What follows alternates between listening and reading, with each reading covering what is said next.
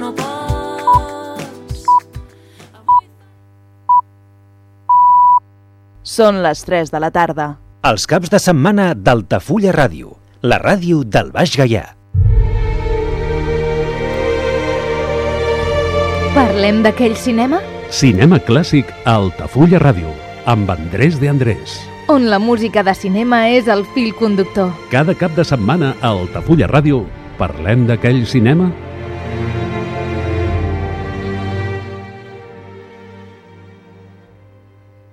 Rebin la salutació d'Andrés de Andrés, que presenta el programa Parlem d'aquell cinema. I com sempre, parlar d'aquell cinema és això, parlar dels actors, els cantants, els directors, les anècdotes, tot el que té relació amb la pantalla cinematogràfica.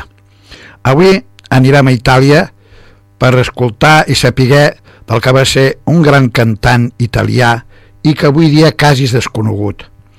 Em refereixo a Luciano Tajoli. Luciano Tajoli va néixer a Milan el 17 d'abril de 1920 i va morir a Merate el 3 d'agost de 1996 i va ser un cantant i un actor italià. Va ser protagonista de la cançó italiana de la postguerra junt a Claudio Vila, Narciso Parigi, Luciano Virgili i Giorgio Consolini. Durant la seva carrera va vendre més de 45 milions de discos en tot el món. Era autodidacta absolut, va saber desenvolupar una manera de cantar que destaca pel timbre, l'expressivitat i la declamació molt clara de la seva veu i entre les seus millors interpretacions podem recordar Mamma, Rosa di Sera, Chimney de Sollinador, Tango de le Capinerei i Escríbeme. Són algunes d'entre moltes que van ser un gran èxit. Anem a sentir, doncs, la primera interpretació de Luciano Tajoli amb un tema que es titula Estornello del Marianallo.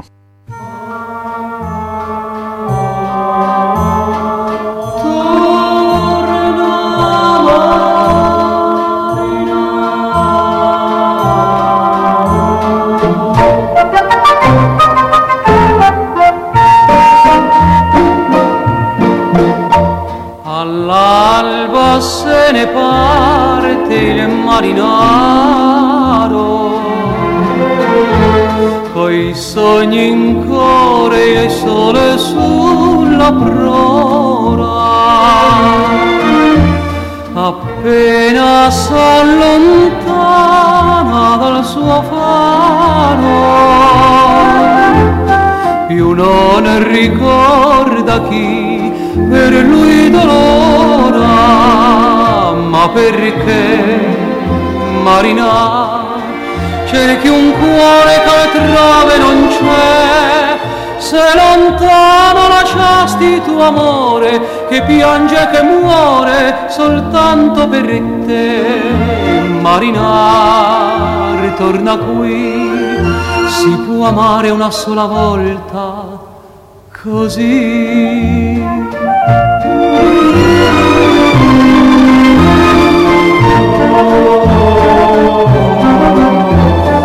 la sua casetta rosa guarda il mare.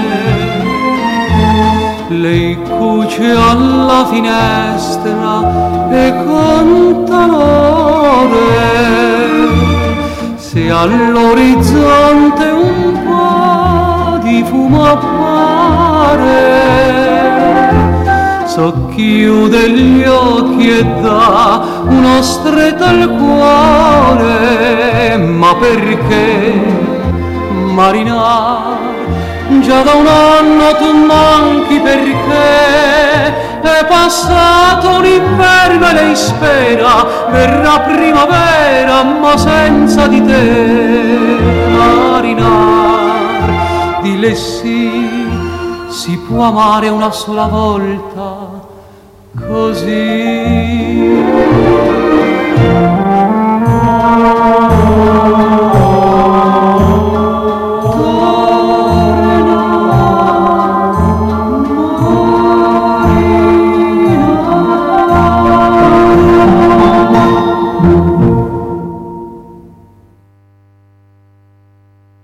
Luciano Tajoli ja hem dit que va néixer el 17 d'abril de 1920 i va ser en via Betsoriane 42 amb el popular barri Vigentino i Francesco va ser el, primer, el primogènic eh, enquadernador de llibres. Eh, Francesco era el seu pare lògicament i Antònia Dove era la seva mare i feia de, de cambrera la seva infància va estar marcada per la poliomielitis, que li va agafar a quan tenia només un any d'edat i el va deixar coix per tota la vida. Un home apassionat del cant des de petitet, va començar a actuar als 4 anys amb les tavernes milaneses on l'acompanyava el seu pare i allà va ser on va rebre els primers aplaudiments. El primer, la cançó que va aprendre, va ser Baloggi e Fragàncies, cantant-la a petició de la mestra i va ser pels seus amiguets a l'escola primària. Acabada l'escola l'any 1933, comença a treballar per supervivents de la polio. Comença a treballar primer com a aprenent de sastre, després va ser contractat com a aprenent amb una perruqueria de Porta Romana, tenint l'oportunitat de tindre els dilluns lliures que ideal per demanar audiències a domicili musical. O sigui, ell anava pels puestos dient que si volien que ell anés a cantar, o sigui, una manera de fer-se autopropaganda. Més tard, de totes maneres, quan es va donar compte de que estar parat durant tantes hores li costava molt d'esforç, va canviar aquesta última ocupació per la de sabater, va continuar cantant amb els seus ratos lliures, en festes privades, cafès o serenata, tot a canvi de petites almoines. Un altre tema de Luciano Trejoli, Campani di Montenevoso.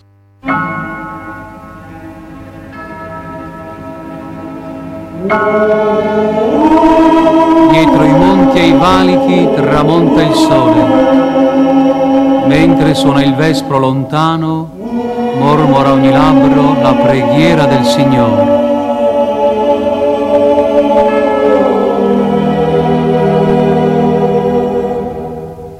Campane di monte nevoso che suonate nel vespro di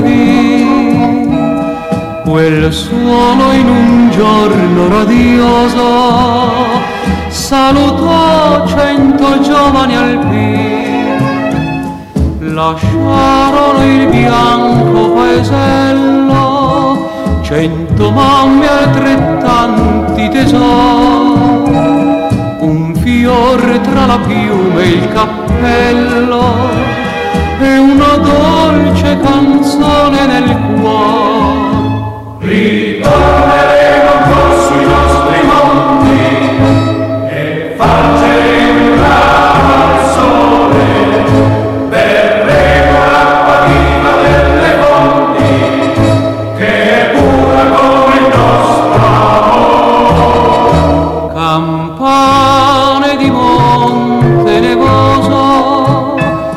quei rintocchi nel cielo divino sembravano un grido angoscioso. Proteggete i miei giovani alpini.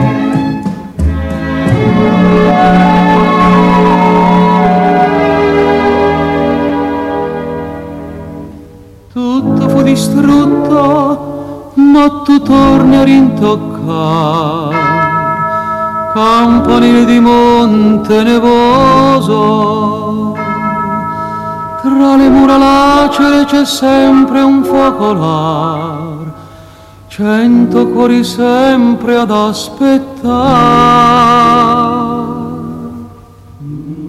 la primavera è tornata ha infiorato le valli e i sentieri che videro gli alpini partire e non li han visti più ritornare. Ma ogni cuore aspetta, ancora ogni sera la valle riporta l'eco di una canzone lontana. Quella dolce canzone d'amore. Ritorneremo ancora sui nostri monti e farceremo il grano al sole.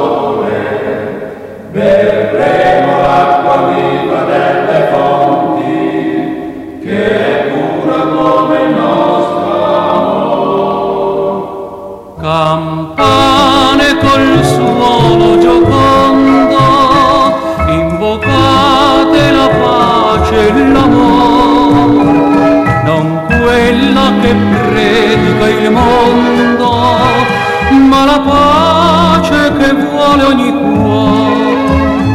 La pace, la fede, la pace,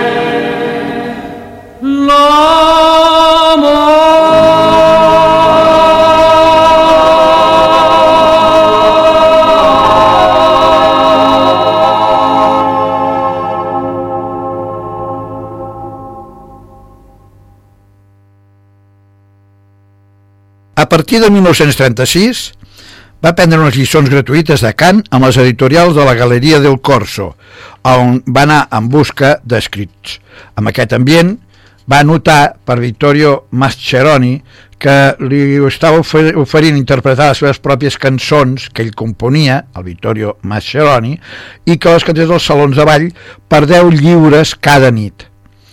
Les ganàncies anteriors van animar el jove Tajoli a deixar la professió de sabater per dedicar-se a temps complet a la música. Durant uns mesos, de 1938, després d'una audició amb el EIR de Milan, que va sortir malament, va estudiar amb el mestre Mario Schissa, perfeccionant la tècnica d'emissió en presència del micròfon per evitar que l'amplificació cobrís els motius de la seva, el timbre de, de la seva veu de tenor, eh, en fi, eh, això en particular, els característics passatges de mezzo i el falsete, pues, els van arreglant també. Va donar força per la nova preparació en 1939 i va participar en el concurs de veus noves El cuarto de hora de l'aficionado organitzat pel Teatro Odeon de Milan i el va guanyar amb la peça Reggio di Zolle del mestre Alexandre Darevici, després de la qual va firmar un contracte pel segell discogràfic Odeon, amb el que va gravar els seus primers 78 revolucions per minut i que contenien Madonna Florentina i Flor Rosa. Anem a sentir una altra cançó, Perdonami, és una versió diferent a càrrec de Luciano Trajoli.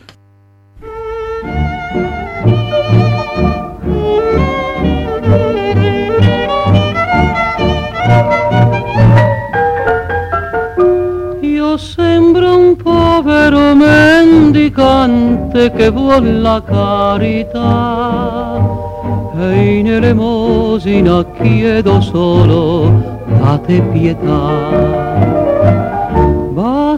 Alla porta della tua casa ed attenderò che tu mi conceda il perdono per non lasciarti più. Perdonami se ho obliato l'amore d'un dì. Perdonami se ti ho fatto soffrire così. Sono stato con te un ingrato perché mi accecò la gelosia. E ad un tratto cercai di annientare ti provai un istante di follia. Perdonami per l'amor che c'è stato fra noi. Ti supplico per quei dì che scordare non puoi no, non farmi soffrir, non lasciarmi morir con rimorso nel cuore imploro il tuo perdono in nome dell'amore.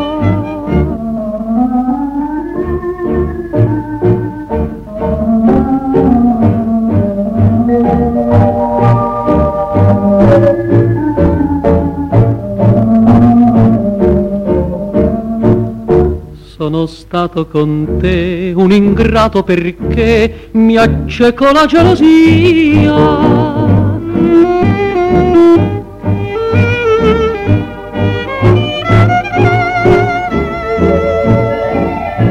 Perdonami per l'amor che c'è stato fra noi.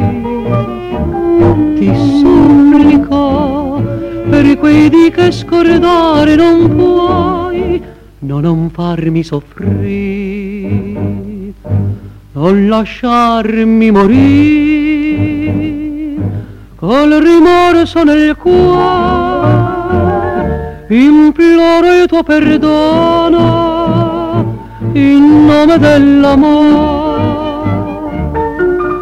Perdonami, non lasciarmi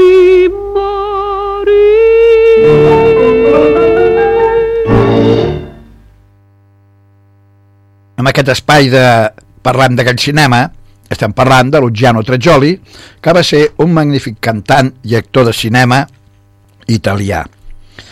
A l'any, estem ja ara l'any 1940, i va tindre un petit paper amb la revista Escàndalo 40, del Mediolanum de Milan. A l'espectacle, mediocre, va tindre el mèrit de revelar la seva habilitat pel cant i despertar una entusiasta acollida per part del públic.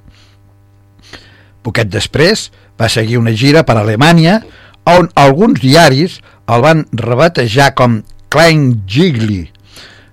Entre 1941 i 1942 va gravar Vila Triste i Luna Marinara, dos exitoses peces que, de, però ràpidament, van aterrar amb la ràdio.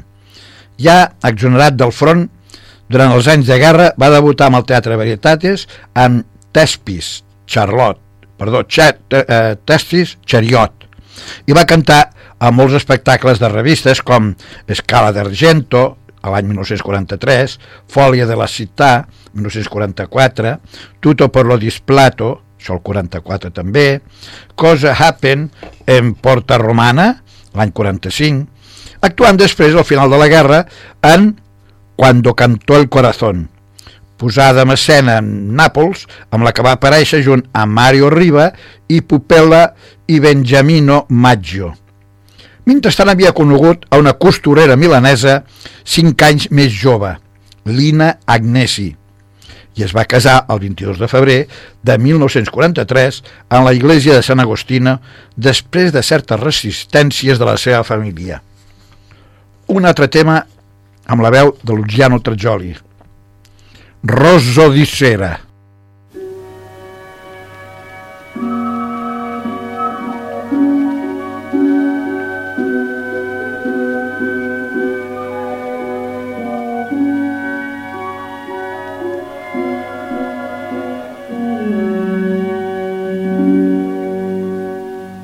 Quando il bel cielo chiaro quasi tramonta, sento la bocca amara di baci finti. Se la mia vita è un gioco ci puoi giocare, valgo per te ben poco, mi puoi lasciare,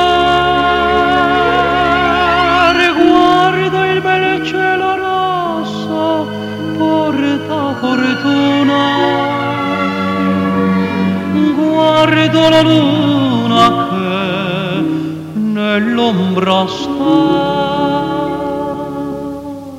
rosso di sera, bel tempo si spera. Dice la gente che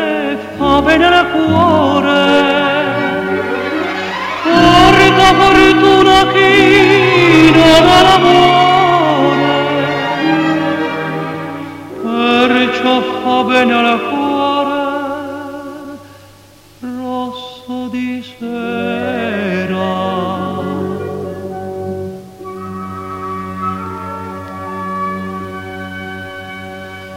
canto per chi mi dice lasciami in pace sento che non ho voce per chi è felice stanza con luce fioca nell'ombra oscura vedo con lei l'amico che mi fu caro ma stanotte tremo dalla paura.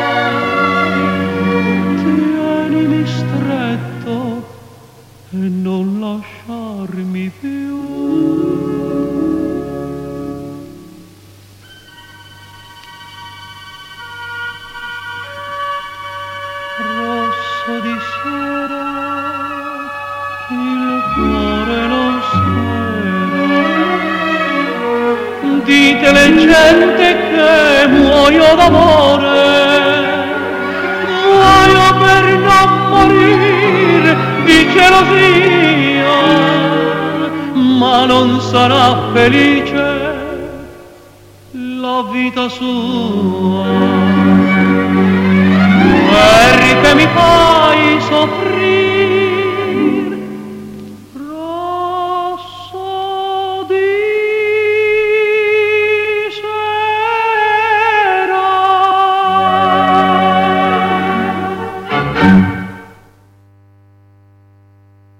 Estem a l'any 1947. Va participar en Ancora un po' di cuore i aquest mateix any, amb un camió com a escenari mòbil, es va embarcar en una llarga i forta gira per les províncies del nord d'Itàlia, el que li va donar força a la seva popularitat, particularment generalitzada amb la classe mitja-baixa. El repertori destinat a aquest públic incluïa sobretot peces melòdics sentimentals com Melancolia de l'amor, Credimi, Izzito amore, Lontananza, Serenata serena, però també cançons napolitanes com Cor ingrato, Santa Lucia, Lontana, Monasterio Santa Clara.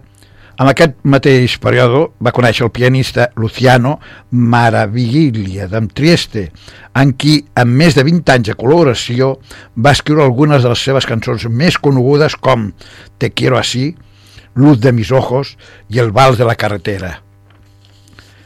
Una altra veu, un, una altra interpretació de Luciano Trajoli, amb una versió que també fa diferent, que es diu Mai e poi mai.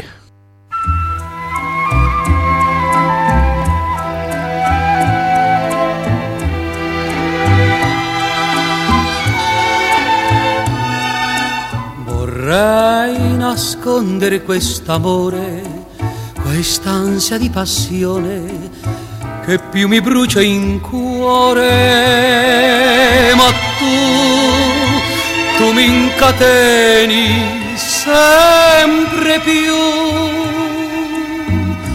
Mai e poi mai ho amato così tanto in vita mia. Ma tu non sai cosa vuole dire baciar la bocca tua.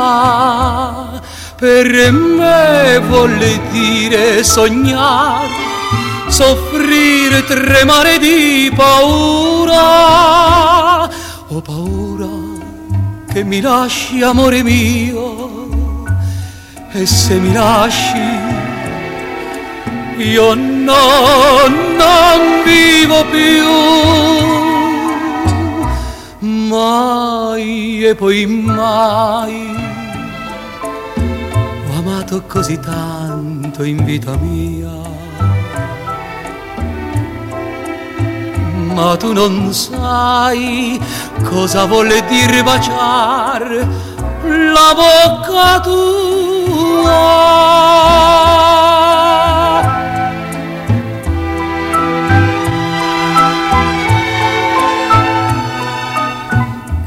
cosa sono mai le stelle, la luna, il sole, il mare, sono tutte cose belle, però non sono nulla senza te.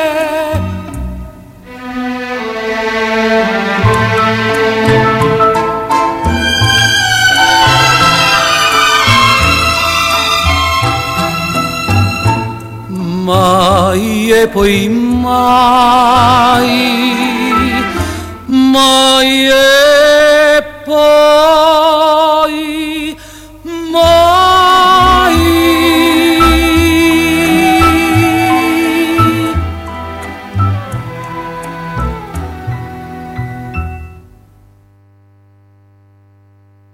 A l'any 1950, el director Mario Landi el fa debutar amb la pel·lícula musical Canciones en las calles, que la seva, en fi, és una història de moltes llàgrimes i va ser un gran èxit de taquilla. Tant és així Catajoli, amb els anys següents, també va ser sol·licitat pel cinema eh, i va, en fi, va sortir amb altres pel·lícules com La Patruglia, eh, La Patruglia de l'Ambialaggi, La novela de mi vida, Don Lorenzo, Escúchame, Nápoles llora y ríe, El misterioso cantante i Mi Trieste, que va recaudar més de 500 milions de lires.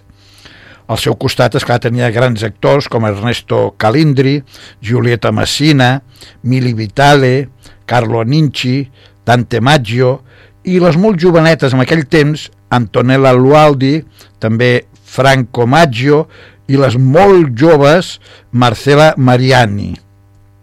Al mateix temps, també va proposar un repertori romàntic amb els micròfons de les ràdios en programes com Los Miradores de la Semana, això va ser l'any 1951, eh, El Senyor de los 30 Años, dirigit aquest espai per Enrico Viaricio, això també l'any 54, tres anys després dels primers espais, i aquest mateix any 54 fa El Ruiseñor de Plata i El Meta de los Ejes, campionat per equip entre cantants presentat per Corrado amb Antonella Stenni, allà, això va ser ja l'any 59. I va continuar una contínua però ràpida i activa viva eh, vida, eh, inclús amb l'estranger, i va ser ben rebut entre els emigrants italians que estaven al Canadà, als Estats Units, Austràlia, Venezuela, Cuba i Japó. I aquests, precisament, emigrants, van ser els que degut als seus aplaudiments i les seves ganes de veure'l, van fer agafar ganes de veure amb la gent, molta gent d'aquests països. Anem a per una altra cançó de Luciano Trajoli. Torna al tuo paese.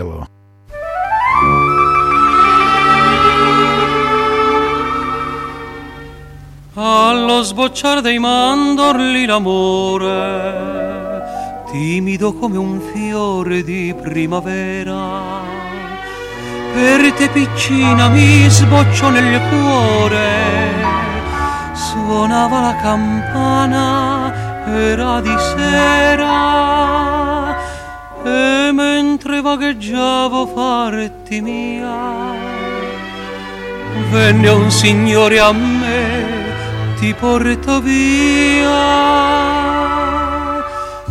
Torna al tuo paesello che è tanto bello. Torna al tuo casolare, torna a cantare. Torna da me che soffro tante pene. Torna da chi ti vuole ancora bene. Con i piedini scalzi camminavi bei prati luccicanti di rugiada. Sorgeva il sole d'oro e tu cantavi ed era tutta in festa la contrada avvolta in trineseta tan veduta e m'hanno detto che ti sei perduta. Torna al tuo paesello che è tanto bello. Torna al tuo casolare torna a cantare. Torna da me che soffro tante pene. Torna da chi ti vuole ancora bene. E son passati gli anni e l'ho incontrata, smunta di febbre pallida, ammalata guardata con disgusto e maltrattata sui marciapiedi della capitale e m'ha guardato quel visin di cera ed è fuggita nella notte nera torna al tuo paesello che è tanto bello. Torna al tuo casolare, torna a cantare. Torna da me che soffro tante pene. Torna da chi ti vuole ancora bene.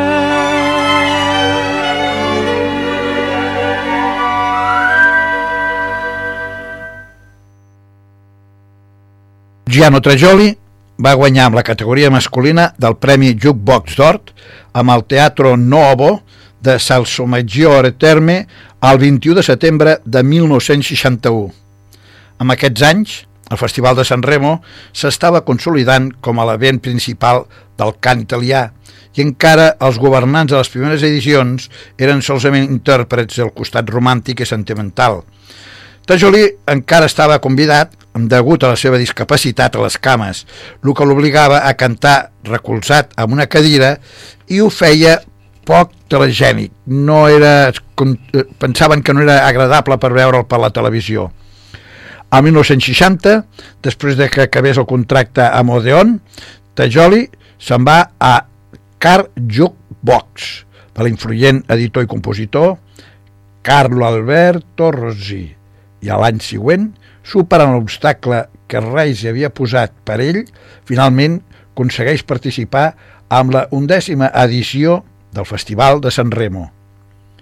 La cantant milanesa va aparèixer emparellada amb la gritona Betty Curtis amb la cançó El Dilà, firmada per Carlo Donida i el debutant Mogol, guanyant sorprenentment el primer lloc amb més de 700.000 preferències. En aquest mateix any participà amb el juny de la cançó napolitana amb les peces Cielo i aquí estava emparellat amb Aurelio Fierro i la cançó Eterno Amore, emparellat amb Aura d'Àngeli. Para un momentet perquè escoltarem una altra versió particular de l'Ugiano Tajoli de la peça titulada Esparzacamino.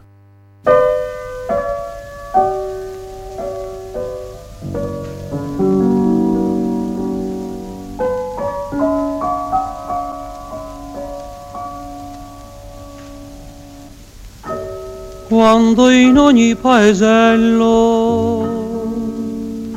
l'inverno viene e la neve il suo mantello vi distende pian piano abbracciando il mio fardello di cenci e pene sospirando un ritornello me ne vado lontano come rondine va senza un nido né un raggio di sole per l'ignoto destino il mio nome è lo spazzacamino. Della mamma nana la carezza più tenera e lieve i suoi baci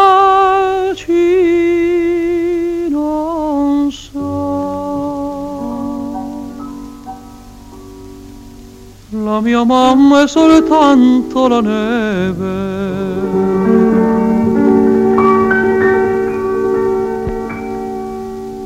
È Natale, non badare, spazza camino, ogni bimbo un focolare e un balocco vicino, io m'accosto per giocare quando un bambino mi dà un urto non toccare, va a spazzare il cammin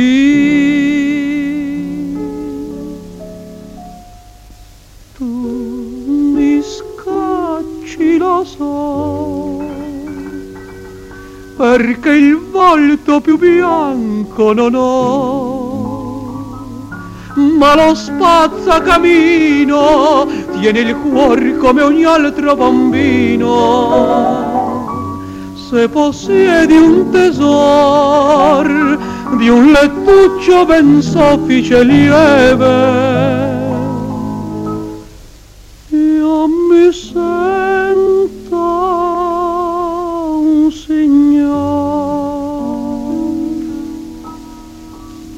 quando sogno in un letto di neve.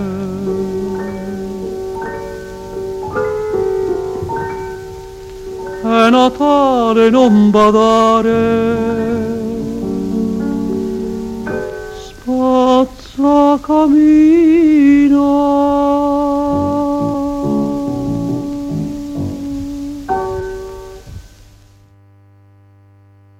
l'any 1962, Tajoli torna al Festival de San Remo amb Il cielo camina. Encara en parella amb Betty Curtis, amb la cançó L'Annelino, emparellada amb Corrado Lo Giacono, i aquestes dues cançons van ser borrades. El mateix any també participa en la primera edició del Cantagiro amb At un palmo del cielo, acabant el segon lloc. A 1963 torna a participar al Festival de San Remo amb Remember, i aquí va quedar en quin lloc? Emparellat amb la gran cantant Milva i Le Boiche va eliminar emparellat a Menio San Justo, després del qual va tornar a competir amb el Cantagiro amb Basta que estàs aquí.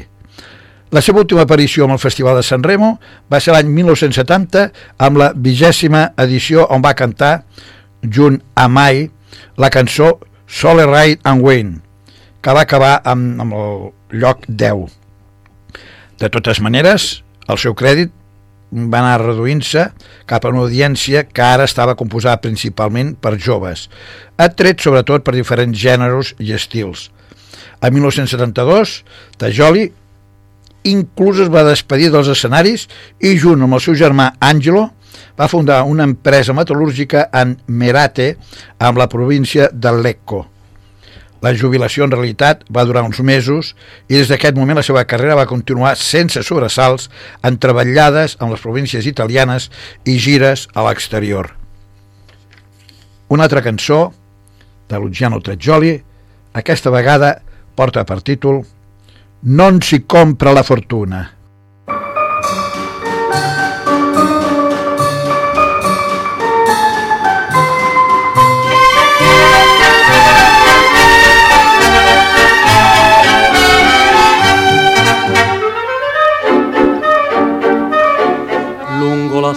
Strada mi vieni vicino col pappagallino e la gabbia sul cuor.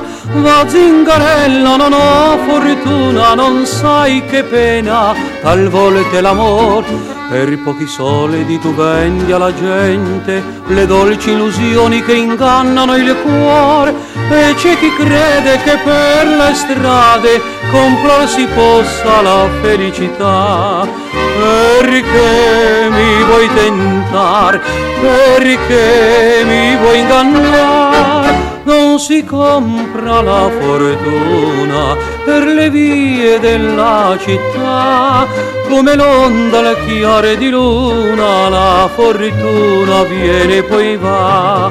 Getta il vento il tuo pianeta, zingarella non badar, se una lacrima segreta sul mio viso discenderà. Sul foglietto certo è scritto così che il mio cuore felice sarà. Chi l'ha detto, chi l'ha scritto mentì, il futuro nessuno sa. Non si compra la fortuna per le vie della città, come l'onda alle chiare di luna, la fortuna viene e poi va. Non si compra la fortuna, non si compra la felicità.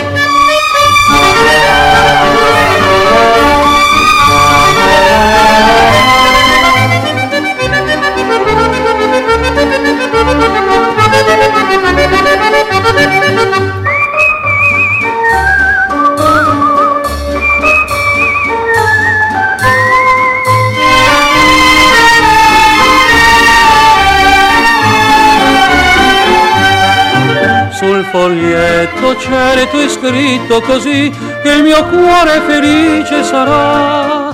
Chi l'ha detto, chi l'ha scritto mentì, il futuro nessuno lo sa. Non si compra la fortuna per le vie della città, come un'onda al chiare di luna, la fortuna viene e poi va. Non si compra la fortuna, non si compra la felicità. La felicità.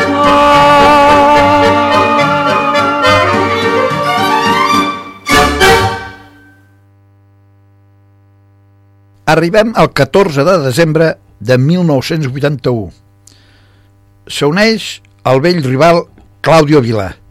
Això era per un concert al compàs de Sergio Bernardini amb Versilia i es titulava Juntos por fin. A 1984, tres anys després, Tajoli recull els seus millors èxits amb l'àlbum 45 anys amb vostès, els meus amics, i presenta el programa Canta Tectipàs de l'estació de televisió brestiana Teletuto amb el que va sometre el públic de l'estudi a preguntes qüestionàries de cultura general i actuacions de cant. El mateix any va dirigir 12 episodis de Una vita cantando, això en directe, pel Canale 39, canal de televisió visible en Toscana, a on junt al mestre Sante Palumbo, interpretava en viu amb peces a petició en presència del públic a la sala. En 1986, Antennatre, una emissora privada lombarda, li va dedicar una sèrie d'especials dels que es van prendre dos àlbums grans gravats en viu durant els programes Canzonieri Italiani i Cocktail a la Italiana. Antenare també va proposar en 1987 Italian Friday, un espectacle dirigit per Tajoli amb Renzo Villa. A finals dels 80, Tajoli celebra els 150 anys de carrera i grava el disc Nozze d'Oro con la canzone italiana, 50. Luciano Tajoli, Nel Mondo, volum primer, des de l'any 1941 fins a l'any 1957. Això va ser l'any 1988, la recopilació. I després va fer Bodas de Oro con la canción italiana, 50 anys. Luciano Ceggioli en El Mundo, volumen 2, des de 1940 a 1955. Això va ser ja un any després, aquesta recopilació, o sigui, va ser l'any 1989. Luciano Tregioli amb una altra cançó, aquesta vegada Lontananza.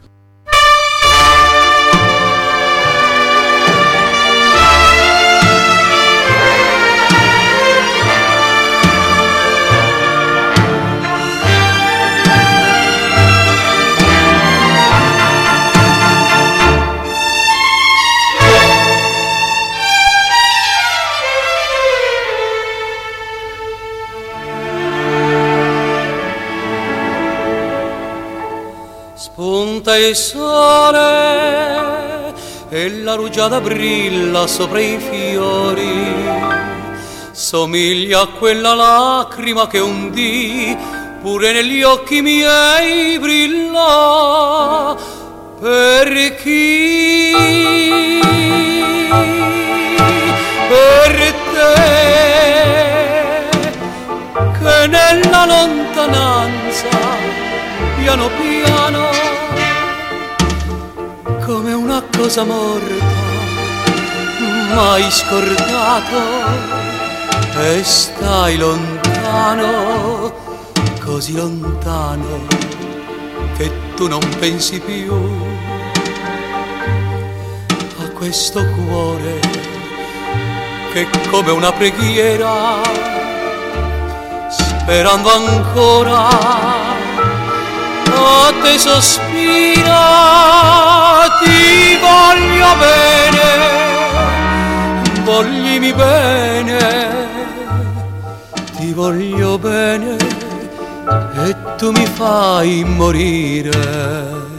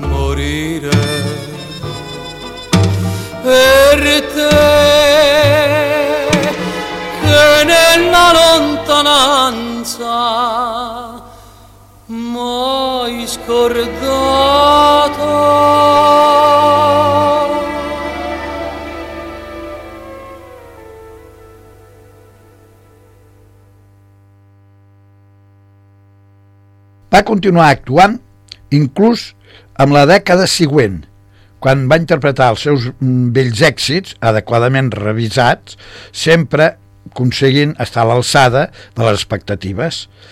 Mm, Destaca el compromís solidari que va caracteritzar l'última etapa de la seva vida.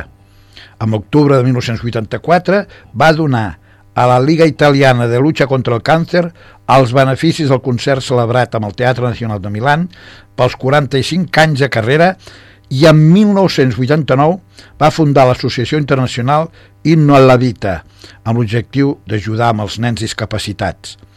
En 1995, després d'una altra gira realitzada en Austràlia en maig, junt a la seva amiga Nilla Pizzi, comença a trobar-se malament i poc després és hospitalitzat per les proves. Li diagnostiquen una enfermetat hepàtica greu. El 21 de juny de 1996, amb motiu de la celebració dels seus 50, dels seus 55 anys de carrera, celebra el seu últim concert benèfic amb Merate sota una, llu una pluja d'aquelles bots i barrals i abans de ser hospitalitzat novament per rebre tractament metge. O sigui que acabant aquí el concert va tindre que ser ingressat perquè l'estaven esperant per fer les proves. Va morir als 76 anys, menys de dos mesos després, la matinada del 3 d'agost, amb la seva casa de Vicolo Carbonini, amb Merate, on vivia amb la seva dona. Pararem un momentet perquè és interessant sentir la veu d'aquest gran cantant. Ara el podem sentir amb el tema Buongiorno tristezza.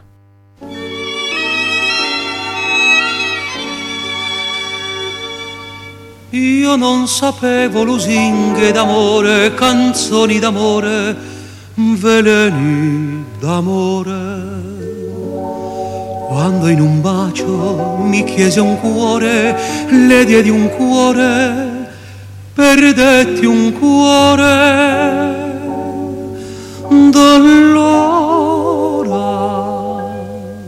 quante monete d'oro quest'occhi le han donato d'allora.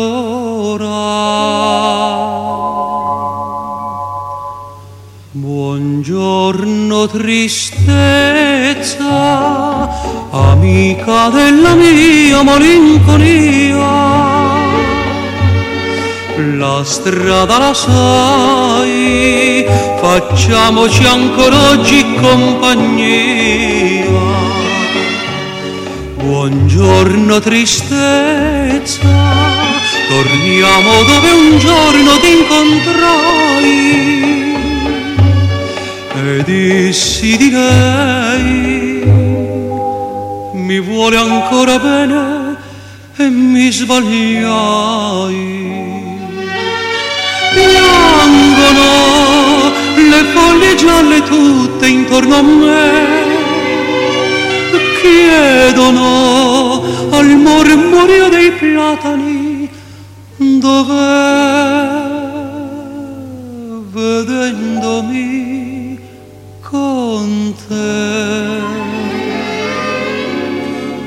Buongiorno tristezza, facciamoci ancora oggi compagnia.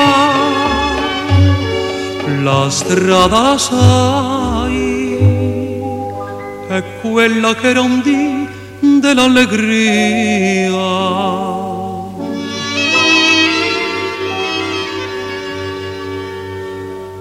Oggi ho imparato che cos'è rimpianto, l'amaro rimpianto, l'eterno rimpianto. Era un addio, torno domani, da quel domani, quanti domani, nell'aria un canto solitario fa ritornare un nome nell'aria.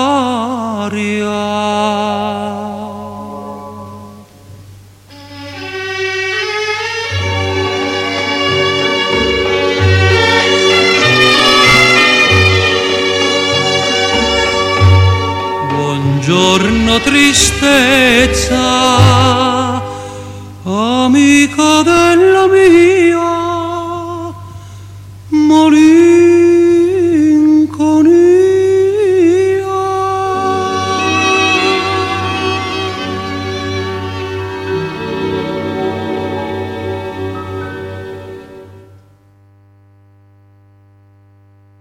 Després de que el funeral que es va celebrar la tarda del 5 d'agost a la parròquia de Sant Ambrogio, el cantant milanès va ser enterrat amb el cementiri de la ciutat amb la capella familiar. Hi han algunes curiositats i algunes coses que podrem explicar també, però permetem que descansi un momentet la veu d'aquest que els explica tot això, perquè és millor sentir la veu de Luciano Trejoli. Escoltem el, la cançó titulada Credimi.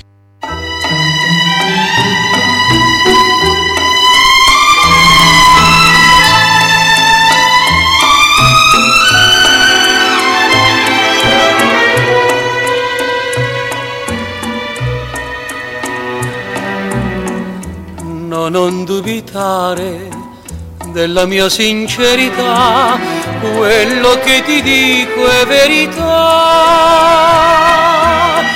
Penso a te soltanto, so che t'amo tanto, che lontan da te non vivo più. Credimi, non son capace di mentire. Guardami, si legge in viso il mio soffrire. Vorrei sapere che devo fare per farmi credere non mi lasciar perché il mio cuore non vive più senza di te. Credimi, non son capace di mentire. Guardami, si legge in viso il mio soffrire.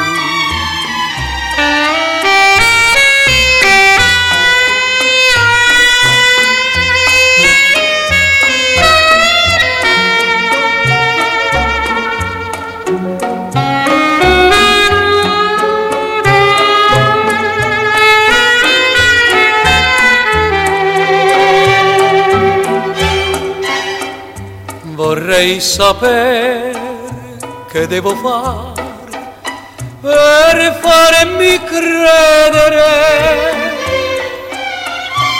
Non mi lasciar perché il mio cuore non vive più senza di te. Credimi, non son capace di mentire. Guardami, si legge in viso il mio soffrire.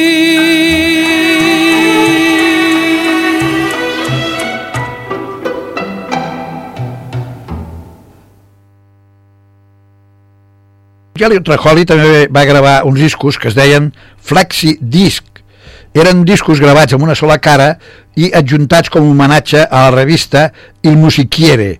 Eren uns discos, com diria jo, com una cartolina rècia, no eren uns discos durs com els de més. I a diferència del disc de vinil tradicional, el disco flexible és molt més primet, en característiques de considerable fragilitat, però d'extrema flexibilitat. Per aquesta propietat es va juntar al suport plegable i enrotllable com un homenatge a les revistes. O sigui que venia a dins un tubo de cartró enrotllat allà i tu el desplegaves, quedava pla i el podies posar amb el tocadiscos.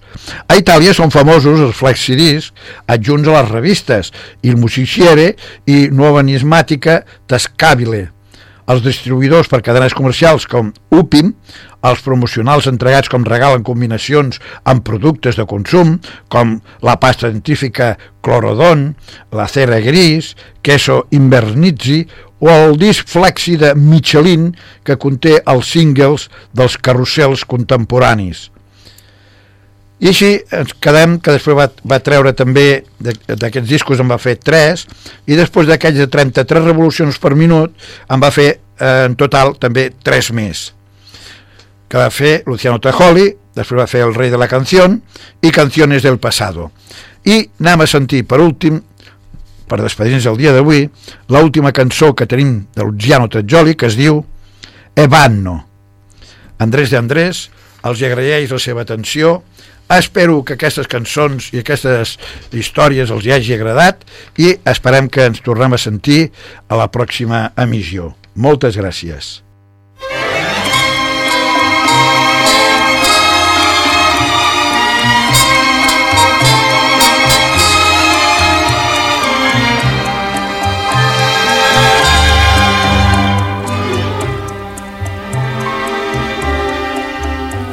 E vanno tanto lontano vanno, cosa faranno se torneranno? Nessun lo sa. Negli occhi hanno un velo di pianto, l'ansia e il tormento mentre la nave va laggiù nella stiva profonda, spossati dai vuoti dell'onda, vive ognuno il suo dramma, hanno tutti un ricordo, tutti abbiamo una mamma. E vanno tanto lontano vanno. Cosa faranno se torneranno? Nessuno sa.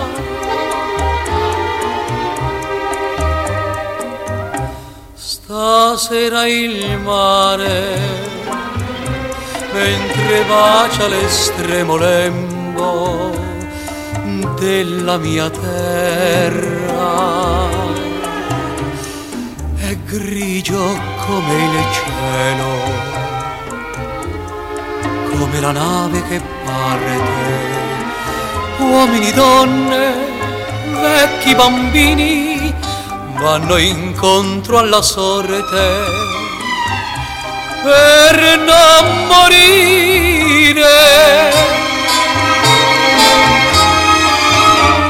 E vanno tanto lontano vanno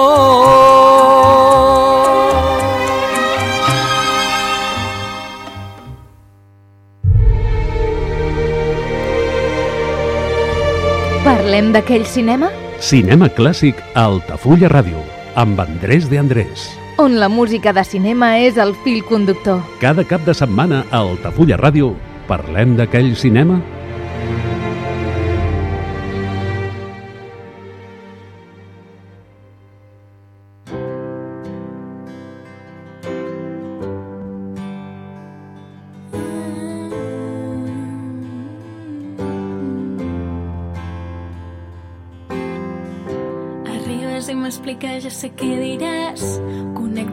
els versos, ja m'he acostumat. I com continua la lletra si ja ho saps. Dir-t'ho se m'està fent complicat. Arribes i m'abraces com si fes molt temps. Només amb la mirada ja sé què pretens. Són les 4 de la tarda. Els caps de setmana d'Altafulla Ràdio, la ràdio del Baix Gaià.